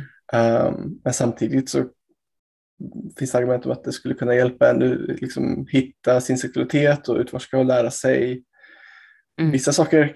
Man kanske hoppas Mm. att inte allt. Alltså, hur tänker du kring, kring Mm. det? Liksom? Jag tycker att det är, ehm, om man börjar där, där du började med att eh, Mm. det talas mycket om porr och har gjorts i kyrkan, så det är väl bra att man lyfter frågan, men jag kan tycka att det är lite synd när den vanliga relationsundervisningen eller relationssamtalen och samtal om njutbar sexualitet har tystnat, eller den kanske aldrig riktigt har funnits, men den har inte funnits, utan istället så pratar man om porr. Och det blir lite som att kyrkan har ett, ett dåligt samvete, för man under många år kanske pratade väldigt eh, fyrkantigt om sex och människor blev uteslutna när de gjorde fel och sådär. Mm. Och kyrkan har med sig ett skav av det och ett dåligt samvete och man skäms för det med rätta, Mm. för det, Mm, man har gjort många människor illa. Men det har också gjort att man har blivit ganska tyst om frågor. Mm. Och nu då när den här porrfrågan har blossat upp så är det ett sammanhang där man faktiskt får prata och där vi till och med Mm. tycker likadant som samhället Mm. många gånger. Mm. Så då liksom tar vi tag och, och pratar om detta. Mm. Eh, jag tillhör nog de personerna som tycker det är jätteviktigt att prata om det, men man får inte prata om det som att porr är trafficking. Mm. Man Mm. får inte tala, tala om det som att porr är våld. Mm. Jag har mött människor som har varit med i porrsammanhang och porrfilmer och som eh, med den allra tydligaste bestämdhet säger att det här vill jag. Mm. Eh, och det blir väldigt förnedrande om jag ska sitta och säga nej, det ville du inte alls det. Du har Mm. bara inte kommit på det än. Mm. Det är, tycker jag, eh, kolonialt. Mm. Mm. Så.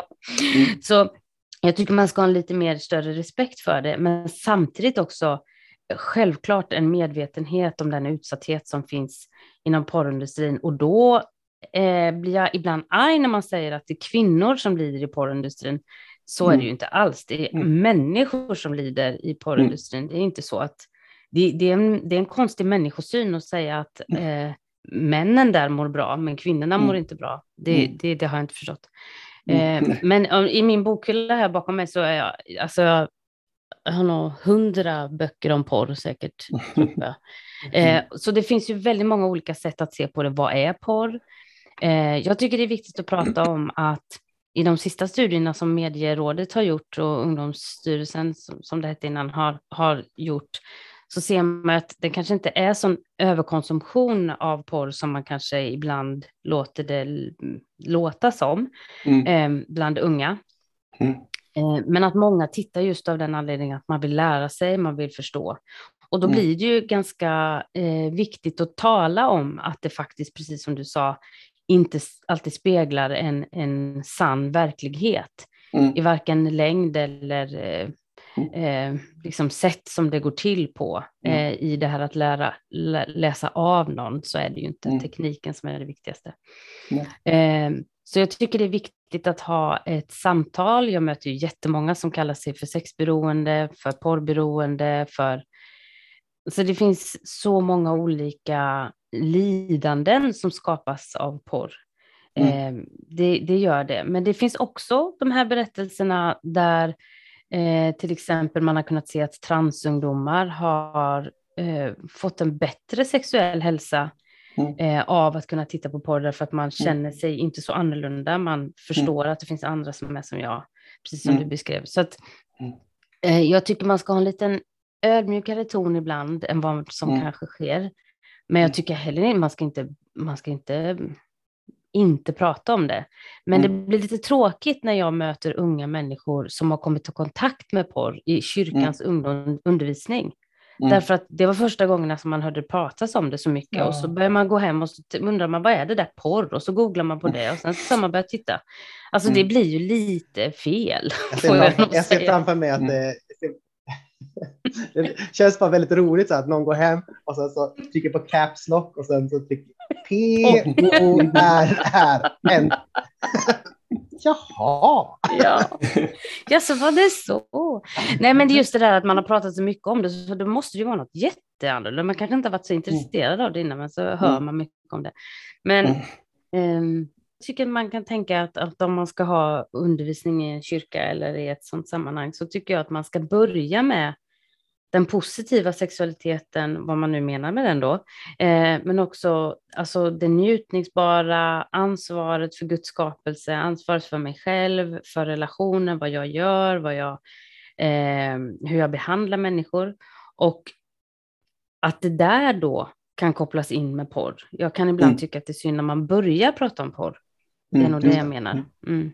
mm. Att att börja prata om det positiva, det glädjefyllda. Du har skapats med en kropp, den har förmåga mm. att, att bli mätt och känna mm. lust och känna glädje. Och, mm. eh, att tala om, om det från den aspekten tycker jag är jätteviktigt. Mm. För, för jag, och jag kopplar det här väldigt mycket till ansvar.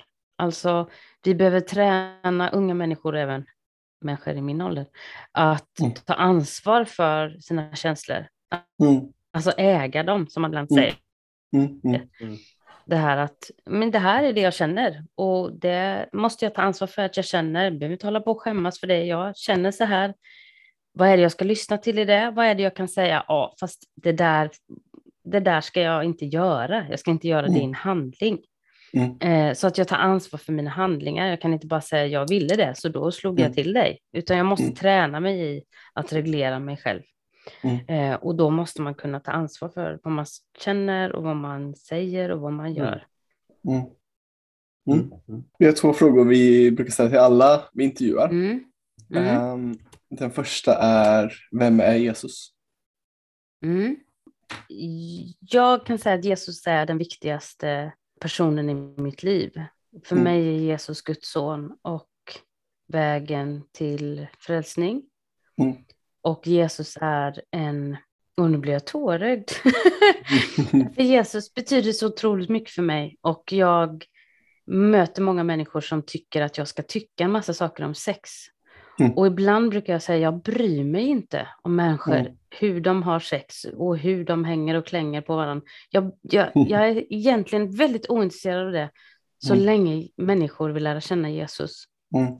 Mm. Mm. jag vet inte, men för mig är Jesus Guds son och världens frälsare.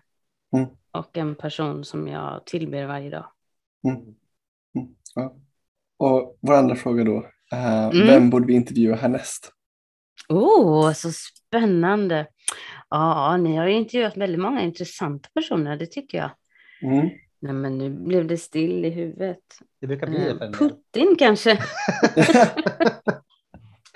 det vore intressant faktiskt. Mm. Ja, jag skulle väldigt gärna eh, lyssna till Putin. Eh, nej, men eh, eh det, det, finns ju, ni har ju en väldigt bred podd och det är ju lite intressant. Eh, ni har ju liksom lite en annorlunda input där. Det hade varit roligt också att höra sådana här alltså, jag vet inte, kallas det för det, samfundsledare, så där, vad de tror om kyrkans möjligheter egentligen att överleva. Mm. Mm. Mm. I de här, eh, så jag tycker att vi tjabblar om så mycket småsaker och jag tycker ibland att, jag brukar säga så här när jag föreläser, i, det kanske jag inte sa när jag var i Credo, men, på Credo, men eh, och nu kanske inte folk tror att jag tänker så, men jag tänker så att i, i Romarbrevet när det står att människor slutade tillbe skaparen och började tillbe skapelsen, mm. så brukar jag tänka att det är för mig lite att man börjar tillbe sexualiteten istället för mm. den som har skapat sexualiteten. Mm. mm. Och jag har så svårt att förstå varför vi talar så lite om Jesus. Mm. På tal om den första frågan. Jag tycker vi undervisar jättelite om Jesus. och Jesus blir någon slags bihang. Mm. Eh, och först ska man göra alla de här sakerna, sen ska man prata om mm. Jesus. Jag mm. tycker, jag önskar en församling som kanske struntar i allt annat och pratar om Jesus istället. Mm. Eller ja, det ja. kanske inte går, jag vet inte, men måste ja, prata ekonomi någon gång med, men ja. ja, ja men verkligen. Ja. Samfundsledare. Mm. Det, det, finns en person, det finns en person mm. som, det, som är den absolut klokaste människan som jag känner. Mm. Och jag tror inte ni får honom till podden, men det är ju min man. Ja, det är ju min man. Ja, det är, jag är begåvad med den absolut finaste och mest intelligenta och mest vackra för det första, men inkännande och kloka människa som finns på den här jorden. Och mm. eh, hade han lett den här världen, då hade det sett annorlunda ut. mm. Wow. Mm, ja, det ja. var ja, honom, honom vill man ju verkligen prata med. vad, heter han, vad, vad har han för förnamn? Jag gissar att han heter Möllås efter Jakob, Jakob. Jakob, mm, Jakob Möllås. Mm. Mm. mm. mm. vilken, vilken kille. Mm. ja, ja, fantastisk, fantastisk. Han jobbar ju med, alltså, jag vet knappt vad han jobbar med. Programmering heter det mm. på mm. Husqvarna här. Eh, jag jobbar med programmering. Och, eh, så, eh, men han är otroligt duktig psykologiskt och väldigt så här mm. genomtänkt. Och eh, jag vet eh, någon gång vi, vi hade, när vi, när vi växte upp, och så var det någon person där i, i kyrkan som hade varit eh, otrogen och betett sig ganska illa mot sin partner och sådär. Och, och vi satt vid någon hemgruppsmöte och alla klagade väldigt mycket på den här personen och var helt förfärade och sådär. Mm. Och så då var ju min man typ 17-18 år. Och mm. då så sa han, ja fast jag funderar mest på vad är det jag utstrålat som har gjort att den här personen inte har vågat komma till mig och prata om det som har varit jobbigt. Mm. Och då tänkte ja. jag, han ska gifta mig med. Honom ska jag ha. så nu har jag varit gift i 27 år. Mm. Ja. Mm. Tack så jättemycket Hanna. Ja, tack själva. Ha det så gott. Ja, ja tack, tack igen. Hej, hej. Hej då, ha det bra.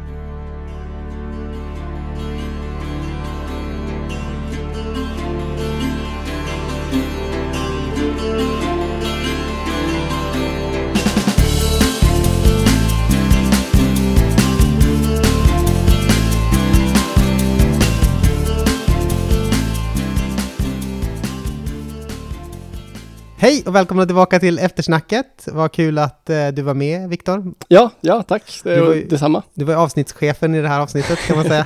det kan man säga. Rod, äh, roddade ihop alltihopa och uh, ja. Jag kommer ju in, uh, jag vet inte om det kommer märkas, men antagligen kommer det klippa så smooth så att det inte någon tänker på det. Men jag kommer ju in uh, 23 minuter in eller något sånt där. Just det. Så, för att så. jag är upptagen med barn och så. Mm. Mm. Så det är inte att jag bara totalt blockade Anton från att mm. prata i början där. Mm. Utan... Eh, tangblockade. Exakt.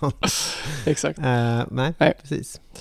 Nej. Vad, har du, är det någonting som du som gnager på dig, eh, på ditt eh, sinne när du tänker tillbaka på den här intervjun eller något som du skulle vilja ta upp? Men jag tycker hon är väldigt härlig. Mm.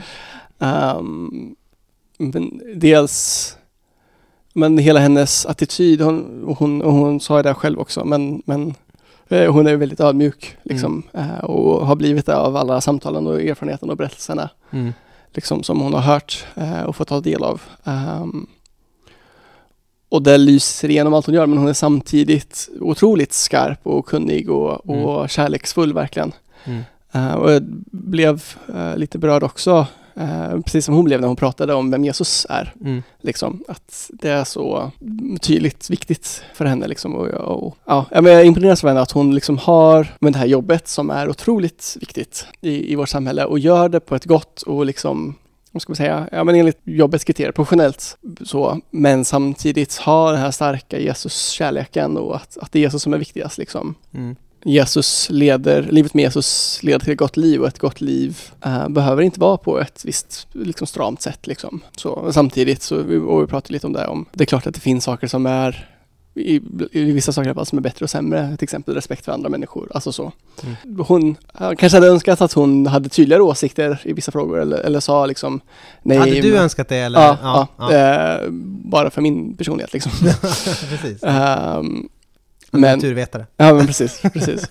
Nej, men uh, homosexualitet är rätt eller fel. Liksom mm, så. Mm. Men, men man kan absolut, jag förstår 100% och respekterar att hon inte uttala sig så. Uh, ja, jag tänker, och, åt något håll liksom. Jag, tänk, jag, tänker mig att hon kanske tänker att det är rätt, men ja. alltså, ja. det är inte hennes roll i, som uppgift som sexolog och terapeut att liksom uttala sig om det, nej, utan nej. att stödja folk att... Eh, Precis. Det, det är bara jag, som jag tolkar henne när jag lyssnar igenom det. Liksom att, nej, men jag tror det. Och hon i hennes eh, egna podd också, eh, Lustpodden, mm. eh, så kan man få det intrycket ganska tydligt att hon ja, är ja. Alltså, så positiv. Jag tror att hon har ändrat sig lite grann genom åren, så mm, hon har ju funnits med länge. Mm, så. Mm, ja, men verkligen. Så jag tänker att uh, 2010-tals uh, Hanna Möllås mm. var nog uh, hon hade ju de fyra kategorierna va? Ja, precis. Att, uh, 2010-tals Hanna Möllås kanske var mera kategori 1.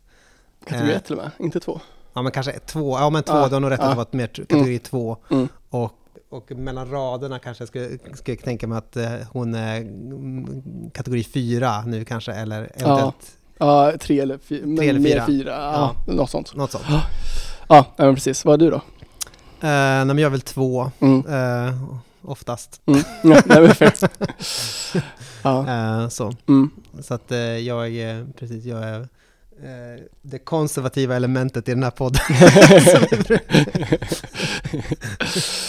konservativa i, i, i, i, ett smalt avseende. ja, precis. uh, ja, men jag, jag tycker det var intressant om jag skulle vilja lyfta det här med eh, terapi och sådär. Mm. Det, det kommer jag tänka på mm. mycket utifrån, det var jag inte med på den delen så mycket, Nej. men jag tycker det var intressant när jag lyssnade tillbaka på det mm. så, att eh, man kan ju säga att hon egentligen beskriver eh, terapeutens roll, mm. kanske man kan säga. Mm. Alltså terapeutens roll är ju att på något sätt hjälpa en person att upptäcka eh, sin längtan, sin person. Mm. Liksom, ja, man kan säga att ge lite utrymme till det berömda jaget mm. mellan överjaget och detet. Mm. Man ska inte bara vara, man ska inte bara vara liksom styrd av sina drifter, utan man, man ska inte heller bara vara styrd av någon sorts förväntan på vem man ska vara, utan mm. du måste liksom låta det här eh, registret där du är en autonom, mm. eller du är en person eller någon sorts autonom varelse, mm. eh, växa och vara lite större och sådär. Mm. Alltså jag har aldrig gått i terapi och sådär, faktiskt, men Nej. jag tänker på det att, eh, att, eh, jag kommer tänka på det utifrån pastorsrollen, mm. Pastorer har ju ofta lite så svårt att veta vad man, vad man, vem man ska vara, liksom, mm. eller sådär. Mm. Vad, hur ska jag vara nyttig i det här mm. samhället, i den här världen som jag mm. är satt i och sådär. Och då tror jag att många sneglar lite grann på terapeutens roll, för att en terapeut är ju dels ett yrke som är ganska eh, respekterat. respekterat. och eh, ja, men just nu går det ganska liten, man kan säga en liten kult kring, eh, mm. kring, kring, terapi och sådär. Mm, mm. Eh, på gott och ont och så. Mm, mm. Och terapi är jättebra mm. eh, om, man, om man har behov av terapi. Ja. Alltså om, eh, när man just ska på något sätt kanske hitta någon sorts röst eller lösa upp några bindningar och sådär, så är terapi jättebra. Men jag tänker att många pastorer har lite dåligt självförtroende och vet inte riktigt eh, vad är min roll, vad är min uppgift liksom så här. Och då kanske man vill vara lite som en terapeut och samtidigt så är man så här, men jag är ingen terapeut och jag är inte mm. utbildad i mm. det här, jag kan inte det. Mm. Så liksom, ja, man, det blir som att man blir en då, så bara typ en så dålig poor man's version av en terapeut. ja. och så. Så, och det, det funderar jag på lite grann, att pastorns roll i samtal är annorlunda än vad en terapeut är. Ja, just det. Mm. Alltså, mm. jag tänker det är viktigt liksom att i alla sorters samtal, det som Hanna lyfter också, att man tillåter en person att på något sätt försöka formulera eh, sig och mm. vem man, eller vad man tänker. Att liksom mm. kanske särskilja sin vilja mm. från ja, men ens föräldrars vilja eller mm. ens eh, traditionsvilja, så här, och tydliggöra det. Så det finns ju, där finns ju mycket att lära tänker jag. Okay. Och samtidigt tänker jag att en annan sorts roll som en kristen, en kristen eh, vägledare har, rollen är inte så mycket att att få folk att må bra. jag tänker att eh, det, den främsta rollen som en, krist, som en kristen vägledare har mm. är kanske att eh, lappa ihop eh, sårade människor och skicka ut dem till frontlinjerna igen. För Guds Ja. rikes skull. Alltså Ja. det är en sorts annan, en annan uppgift som man har. Mm. Så här, ibland så behöver folk terapi Mm. och ibland så behöver de en annan sorts liksom eh, förbi, förbinda sår, ut med det nu igen. Mm. Liksom så här, du har blivit sårad av det här livets makter, men Mm. ska, nu, ska du ut i, nu ska du ut i strid igen, Mm. kära vän. Mm. Mm. Alltså det, är- och det är en annan sorts, eh, ja, det är en annan sorts, kanske lite mer uppfordrande Mm. roll än Mm. en terapeut. Och det behöver inte betyda att man behöver ha mindervärdeskomplex eller sätta Nej. sig i typ motsatsställning till en terapeut. Nej, men det, det är en annan sorts arbeta roll. med också. På något Ja. Alltså så. Mm. Ja, men det, det är en annan sorts roll och det är en lite mera, det är en lite mer uppfordrande och kanske moralisk roll Mm. i, eh, i slutändan. Alltså Mm. jag tycker att på något sätt att, att eh, kristna vägledare inte ska vara helt rädd för att liksom ge råd, eller Mm. vad man ska säga. Mm. Nej, och inte, inte, tvinga, inte tvingande råd, men liksom Nej. råd eller Mm. så. Men, då, Eh, men också som hon sa i um, angående om mm. någon har blivit, känner sig sviken eller liksom Mm, av mm. kyrkan så. Ehm, att man lyssnar in och i rätt tid, alltså så. Ja, men precis. Man ska inte... eh, Det är som man säger, att folk, en person måste verkligen få formulera sig först och liksom vara... vad den eh, söker så. Ja, Mm. Men och, in, och om man- liksom ja, lösgöra sin röst lite grann. verkligen, Mm. verkligen. Men samtidigt om man söker sig till en pastor, Mm. då kanske man är mer beredd på okej med Precis. mm, den eh, snarare än en terapeut. Så jag tänker att man på ett sätt ska ha, markera på något sätt i, eh, kanske mm, i rummet man sitter i, hur, hur, i på olika sätt, att det här är någonting annat än en Mm. Mm. Kanske inte ska låta dem eh, ligga ner i en soffa liksom. Precis, så jag sitter bakom så att eh, jag liksom bara blir ett blankt papper som du kan projicera dina... Ja, nej men jag kan tänka mig att, och sen kan man ju undra eh, med Slavoj Zizeks, eh, eh, den berömda filosofen och eh, Mm. psykoterapeuten, Mm. han tänker liksom att det är människa, alltså i mitten av människan är det ett stort svart hål, eller Mhm. vad ska man säga. Alltså det. det finns inte, det här, den här kärnan eller essensen finns inte på det Mm. sättet, utan det Mm. är liksom, det är när man försöker formulera det, det är då man börjar, Mm. verkligen börjar ljuga för sig själv, Mm. typ. Mm, mm, Jag kan tycka att det är en så intressant tanke ha med sig ibland, liksom att, eh, att inte bara falla ner i det här bottenlösa hålet Mm. efter, på jakt efter mitt autentiska Mm, jag, mm. utan liksom istället säga, men, eh, st- sträck dig ut från, Mm. från det här, Mm. du, kommer bara falla, du kommer bara falla ner i det här svarta hålet om Mm. du ska, om det är det som är riktningen inåt liksom Mm. hela tiden, utan Mm. ja, men, låt riktningen vara liksom utåt, uppåt i förhållande till Gud och Mm. eh, utåt i förhållande till nästan eller medmänniskan och sådär. Mm. Och så. Mm. Det kan, eller det, det kan jag tänka på ibland i Mm. alla fall. Så. Sen Mm. vet jag inte liksom hur, hur pass eh, legitimt det vore att, Nej, att men- arbeta med ett sånt tankesätt. Nej men det är ändå Mm. någonting att ha med sig liksom. Och på SVT finns ju en ny serie, Mm. eh, Gina Dirawi lever och dör. Ja, just det. Ja, har du sett den? Ja, Eh, nej, jag har, inte, jag har bara hört sammanfattningar sådär. precis, samma här. Ja, mm. I recensioner och sammanfattningar eh, så är det ju att hon träffar bland en filosof som Mm. säger just det här till henne att det finns inget kärna, det finns inget äkta du och hon blir helt Mm. chockad över den nyheten liksom och kan inte tänka sig något så, så absurt liksom. Ja. Eh, Men det, det kan absolut ligga någonting i det. ja, men pre- eller det är liksom... Det, I fokuset i alla fall. ja, men alltså. precis. Det är liksom, eh, det är ett fel fokus om man Mm. vill leva ett bra liv, utan Mm. tänk istället på Handlingar. och- handlingar och förhållanden. Relationer, ja, precis. Alltså, på människan är ju också på något sätt blir ju till relationellt och sådär. Mm. Ja, verkligen. Och så. verkligen. Vad är det, vad- sa vi inte det, eller sades inte det förra avsnittet? Eh, Ja, jag säkert. är för att vi är. Ja, precis. Mm. Ja, Mm. Ubuntu. Mm, precis. Ja, eh, det är ju ett eh, super... Och, det, och apropå det, det, det, det tänker jag också på, apropå med sex då, att... att det, jag är och vi är. Ja, men, nej, men, ja, men eller jag tänker så här, sex är alltid ett vi, en vi-grej. Mm. Eh, och med det menar jag inte liksom att, eh, att det är en man och en kvinna eller någon annan konstellation Mm. som har sex, utan Mm. att eh, det är alltid en kulturell grej. Liksom. Det, ja. Eh, sex är för att vi är som Mm. en kultur, Mm. typ, kan Mm. man säga. Alltså, man, man kan tänka på eh, när man började med så här, sexologi på riktigt, typ med, om man tänker eh, Kinsey-rapporterna, alltså när man kollar på man försöker kartlägga kvin, män och kvinnors sexualitet och liksom Mm. så här, säga hur är det egentligen och så, här, Mm. så märker man liksom att oj oj, det är ganska må många fler än vad trott som har haft sex med djur och, sånt där, Ja. och sådana saker. Och, Ja. Och liksom, ja, men man upptäcker också att det är mycket högre liksom, frekvens av eh, samkönat sex och Mm. sådär i, än vad man hade tänkt och sådär. Mm. Eh, det är ju väldigt intressant. Och då, men då arbetar han ju också utifrån den här eh, premissen att, det finns, att vi kan komma bortom liksom, kulturellt sex, eller Mm. liksom så att det finns ett rent turligt sex någonstans. Mhm. Eh, och då, då kollar han ju mycket på typ så här, då pratar han ibland om så här, typ stammar i Afrika och sådär. Mhm. Att, eh, och, och den mest kontroversiella grejen är att han tänker så här, ja ah, men eh, eh, folk är så himla uptight om att ha sex med minderåriga liksom. Men det är kanske inte alls är, det är kanske inte alls är så himla farligt i, i tabubelagt i typ A, i, Afrika och sådär, utan Mm. där kanske det är mera Liksom, där är det mer okej och lite mer så här äh, soft och sådär. Att man Mm. då försöker, ja men det finns så här, det finns så här sköna, liksom eh, lösa, eh, det finns så här sköna naturliga människor någonstans som bara Mm. har eh, Sex för njutningen Mm. och där det inte är traumatiskt för barn för att det liksom är bara njutning och sådär. Och, Mm. eh, eh, och det jag vill bara säga det att eh, ibland undrar jag liksom om sexologi överlag kanske aldrig riktigt har gjort sig av med den föreställningen att det finns eller med det här eh, att man fortfarande tänker på det här på något sätt, att det finns ett naturligt sex eller något sånt där. Som att man kan komma bortom tabun. Att man, Mhm. Jag säger inte riktigt att, att man kan komma bortom tabun och hitta Mm. någonting som är liksom Mm. bara skönt och naturligt och bra och sådär. Mm. Mm. Och mycket feministisk kritik mot, liksom, mot den sexuella revolutionen Mm. på 80-talet också Mm, är så här att eh, det här var ju bara ett sätt för män då att Mm. kunna dominera liksom, kvinnor med att man kallar dem slampor nu för att de inte ligger med en liksom, Mm. och sådär. Att man... Eh, att det blev en ny sorts eh, sexuell skamläggning och Mm. liksom press på kvinnor. Liksom. Eh, Mm. Att man blev liksom en, mer en vara på en öppen sexuell marknad. Mm.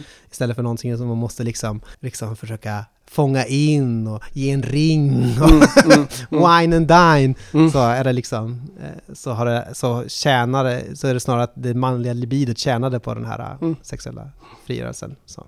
Mm. Eh, så att det är bara där riskerna med att man tänker att man kan komma fram till ett skönt, naturligt Mm. förhållande till sex. Mm. Utan det kommer alltid vara bundet till tabun och till Ja. Eh, saker. Ja, det. Och det, och det säger ju också Hanna, liksom, att man kan inte ta bort tabun för då Nej. tappar man också bort spänningen i ja, sex. ja, ja, ja, men verkligen. Verkligen. Ehm, ja, men det var spännande. Mm. Som du sa, att vissa tabun är ju bra. Mm. Liksom, som pedofili till exempel. Ja, ja. ja, men det tycker jag är ändå klassiskt bra tabu. Exakt. Exakt.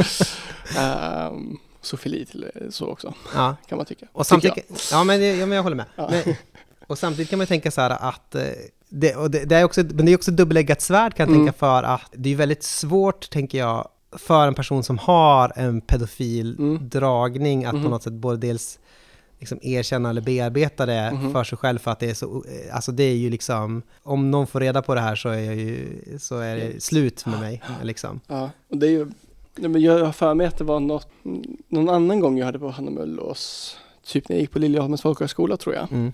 så snackade hon, nej förlåt, det var nog sexuella förövare generellt, inte pedofiler. Fast kanske också, ja, Mm. men att de ofta också är offer, att man behöver alltså, men vårda eh, och se till dem som människor också, inte bara, och, och självklart, alltså, för den sakens skull, inte bejaka handlingarna på något sätt. Nej, men, nej, nej. Men, men ändå, Det tycker jag säger sig själv. Du Ja, behöver inte... ja, ja, det, nej, det, men- det, vi utgår från det.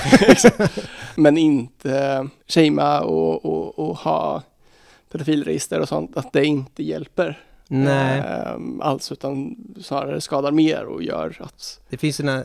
man går, ja men gör det mer i skymundan och gör kanske, kanske leder till att man gör färre saker för att, Ja men precis, man kan ju tänka så här att man, om, eh, man kan ju förhärda en människa Mm. Om den människan känner att jag är ändå så usel och värdelös. Jag kan lika gärna fortsätta vara Mm. usel och värdelös Mm. liksom, för att det kommer aldrig finnas någon, eh, upp, kommer aldrig finnas någon upprättelse eller befrielse för mig. Liksom, och, så här. och då är det ju liksom, då Verkligen. kanske man sätter igång en värre spiral. ja, nej men verkligen. Tänk, det fanns ett avsnitt, eh, det finns en serie som heter The Good Doctor. Mm. Det handlar om en autistisk läkare. Mm. Mm. Jag har sett något avsnitt. Ja, Mm. Som jag, eh, som eh, är är jätteduktig, Mm. såklart. Mm.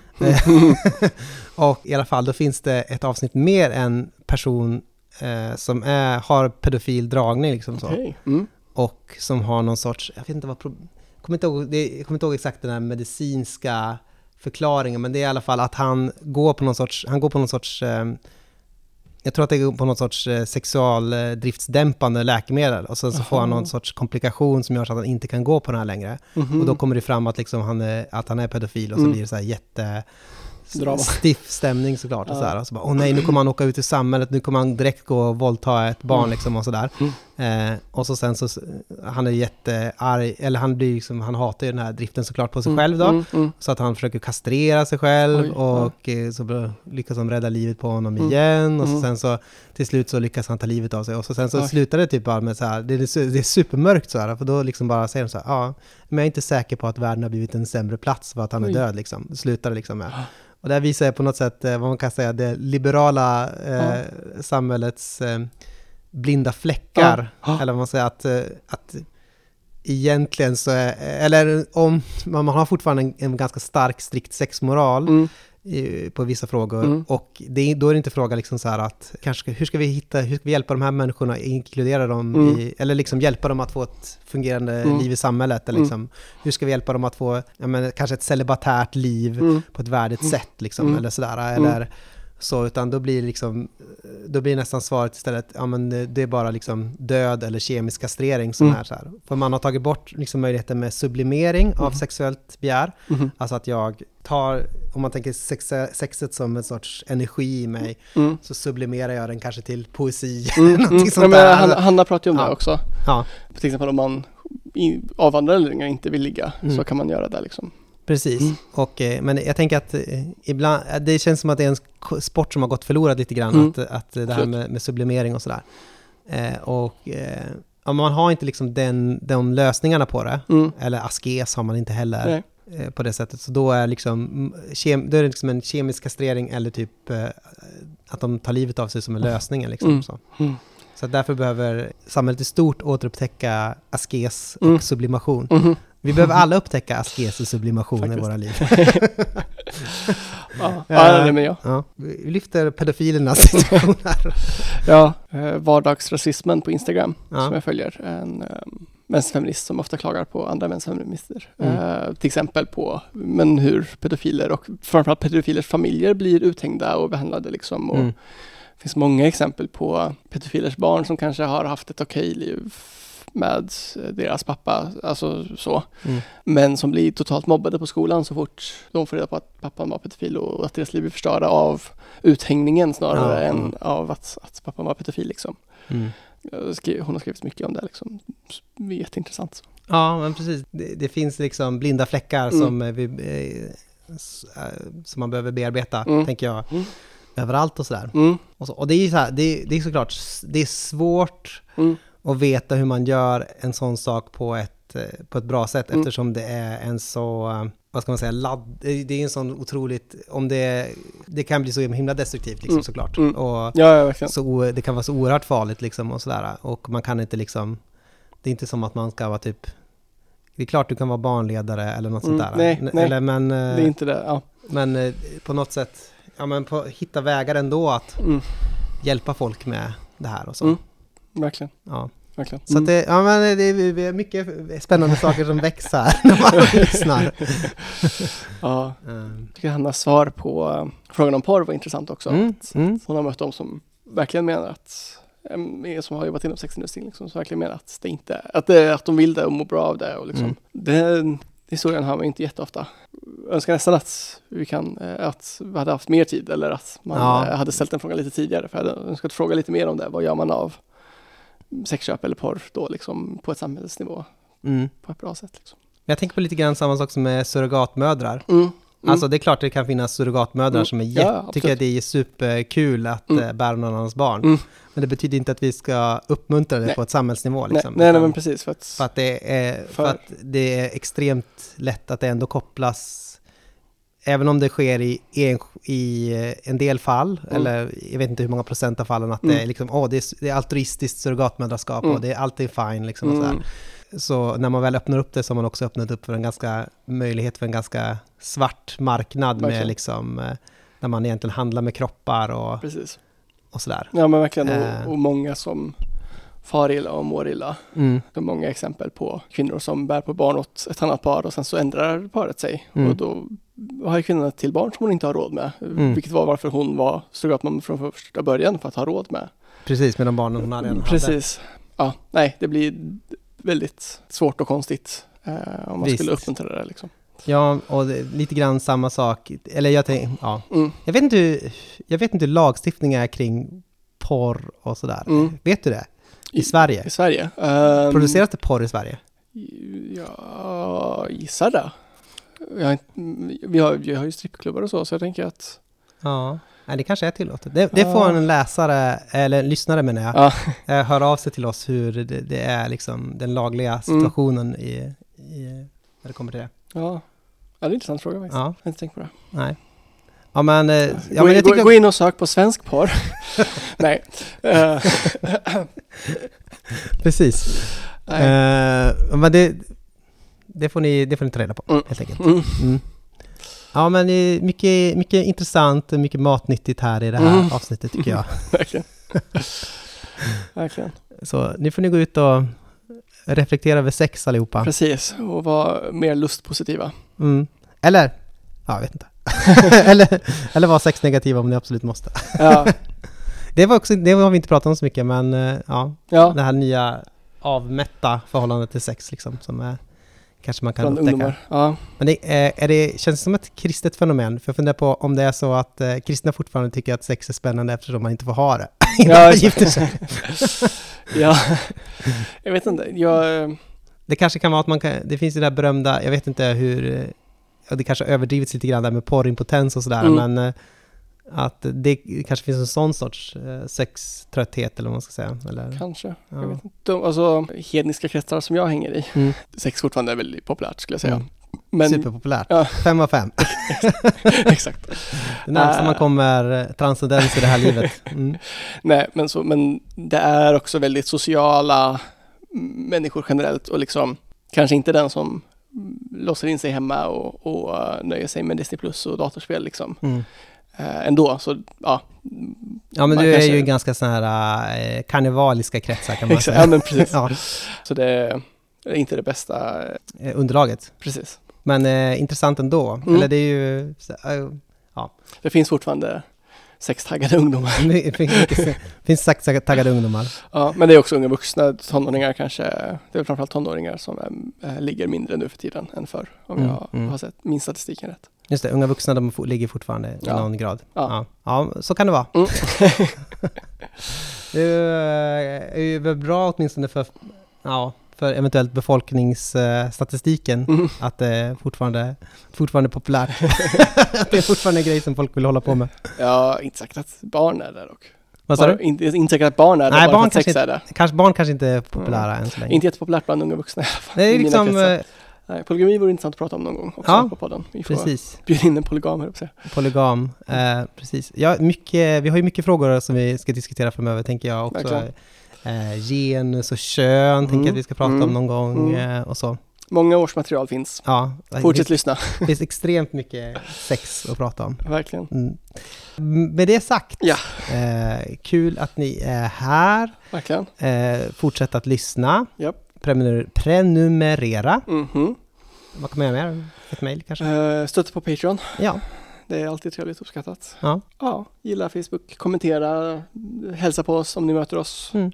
på Torp. Nu kommer det här ut efter Torp troligtvis. ja, antagligen. Ja. Men eh, nästa års Torp eller Mm. på stan eller där som. Bara avbryt Precis, allt vi gör och hoppa på oss. exakt. Ja, tack så mycket så, återigen och eh, må Gud vägleda er till ett liv Fyllt av sex. fyllt av sex och sublimation och asket. Precis.